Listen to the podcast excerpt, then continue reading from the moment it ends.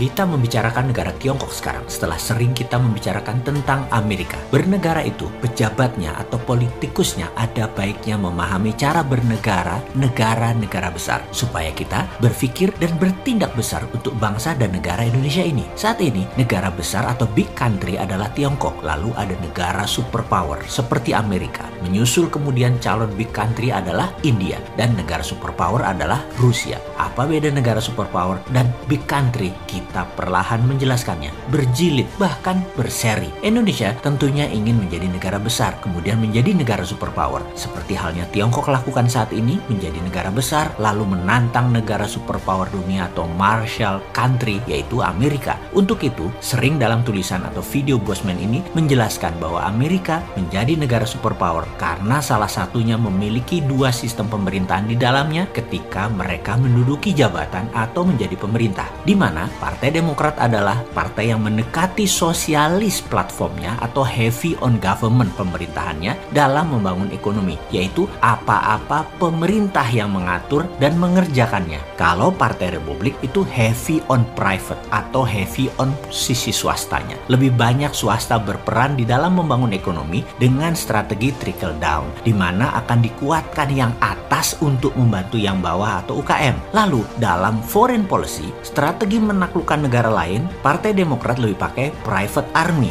atau CIA atau intelligence operation. Sementara Republikan banyak konfrontatif langsung atau berperang terbuka dar der dor. Kemudian, kekuatan bernegara lainnya adalah sistem demokrasi yang matang dengan electoral college di atas popular vote dan sistem konstitusi bernegaranya yang telah di-challenge, dites berkali-kali hingga matang sekali bernegaranya. Seperti sering saya informasikan dalam cara bernegara Trump yang di ujungnya masih ngotot dan bagaimana konspirasi Partai Demokrat untuk memenangkan Obama, Clinton, dan puncaknya saat ini memenangkan Biden. Saya memilih Trump karena kedekatan kebijakan ekonominya mendekati Mardigo Nation. Hampir sama kebijakan ekonominya, yaitu heavy on private. Saya ini bukan memprediksi Trump menang, namun kemenangannya ditebak oleh Bosman yang nggak begitu, karena itu mendahului kehendak rakyat Amerika. Apa bisa Bosman lakukan itu? Ya enggak lah. Tapi ada orang yang pendek akal, pendukung mata gelap komunis Tiongkok benci Bosman, menganggap Bosman analisanya tidak tepat, goblok, dan tidak pantas didengar. Bagi saya orang yang berpendapat seperti ini, saya akan mengatakan sabar ya. Orang goblok ini masih selalu belajar. Gak apa-apa kalian bilang goblok dan saya berharap Anda terus komen. Itu aja. Sebanyak-banyaknya. Terima kasih ya karena algoritma sosmed tidak melihat positif negatif isinya komen tetapi banyak tidaknya komen tersebut. Jadi teruslah berkomen walaupun menggoblok-goblokkan Bosman ini. Kembali ke Trump. Trump masih akan fight sampai sebelum dilantiknya Biden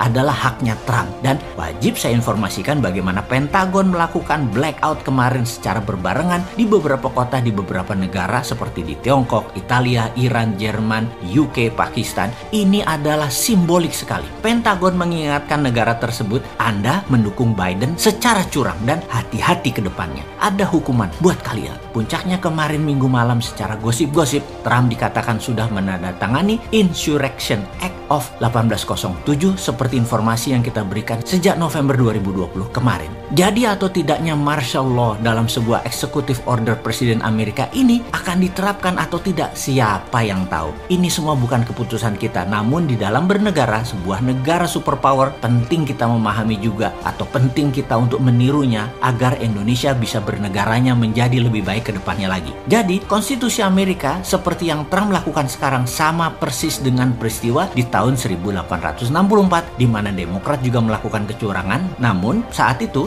Presiden Lincoln menerbitkan Insurrection Act tahun 1807 ini yang berakibat perang saudara atau Civil War Amerika di mana waktu itu tentara memang belah dua. Amerika Utara dan Selatan yang berperang saudara itu akhirnya dimenangkan Lincoln CS atau Amerika Utara yang berhasil menghapuskan perbudakan buruh di daerah Amerika bagian selatan. Jadi Amerika punya martial law, punya presiden executive order, punya hakim federal, punya SCOTUS, punya KPU yang independen, punya electoral college di atas popular vote, dan banyak lagi di dalam undang-undang atau konstitusi mereka yang sangat pelik, matang, dan teruji. Indonesia harus uji semua undang-undang termasuk konstitusi kita yang sudah baik namun banyak penerapannya melenceng. Dan sejauh ini tidak ada yang mengkoreksinya, terutama ketika bernegara pejabat pemerintahannya adalah sistemnya oportunis pragmatis. Dalam jangka panjang bisa bubar sistem bernegara Indonesia ini yang harus kita perbaiki segera. Kembali ke Tiongkok. Kebetulan saya ini hadir selama dua minggu dalam beberapa rapat umum PKC Partai Komunis Cina di tahun 2017 yang mana hasilnya memutuskan Xi Jinping menjadi presiden seumur hidup Tiongkok membuat dirinya lebih kuat dari pemimpin legendaris Tiongkok seperti Deng Xiaoping bahkan Mao Zedong. Langkah Xi Jinping ke depan patut kita pertimbangkan matang-matang dan hati-hati. Oleh Xi Jinping, PKC Partai Komunis Cina adalah sebuah perusahaan besar. Negara Tiongkok adalah salah satu tool mereka. Komunisme juga salah satu tool mereka. Ideologi Partai Komunis Cina Tiongkok saat ini adalah BRI atau Belt Road Initiative atau juga disebut OBOR. One Belt, One Road. Semua jalan hanya satu, road to Beijing. Harus takluk dengan Beijing. Kembali lagi, jadi banyak hal di dalam bernegara dari negara lain harus kita pilih untuk Indonesia ini tiru yang baiknya agar kita menjadi negara besar dan menjadi negara superpower. Untuk Indonesia menang, kita harus banyak memahami dan membuat strategi jangka panjang. Kalau kita ingin menaklukkan Tiongkok, ingin menaklukkan Amerika, ingin menaklukkan Rusia, ingin menaklukkan India, sudah ada grand plan-nya, Bos.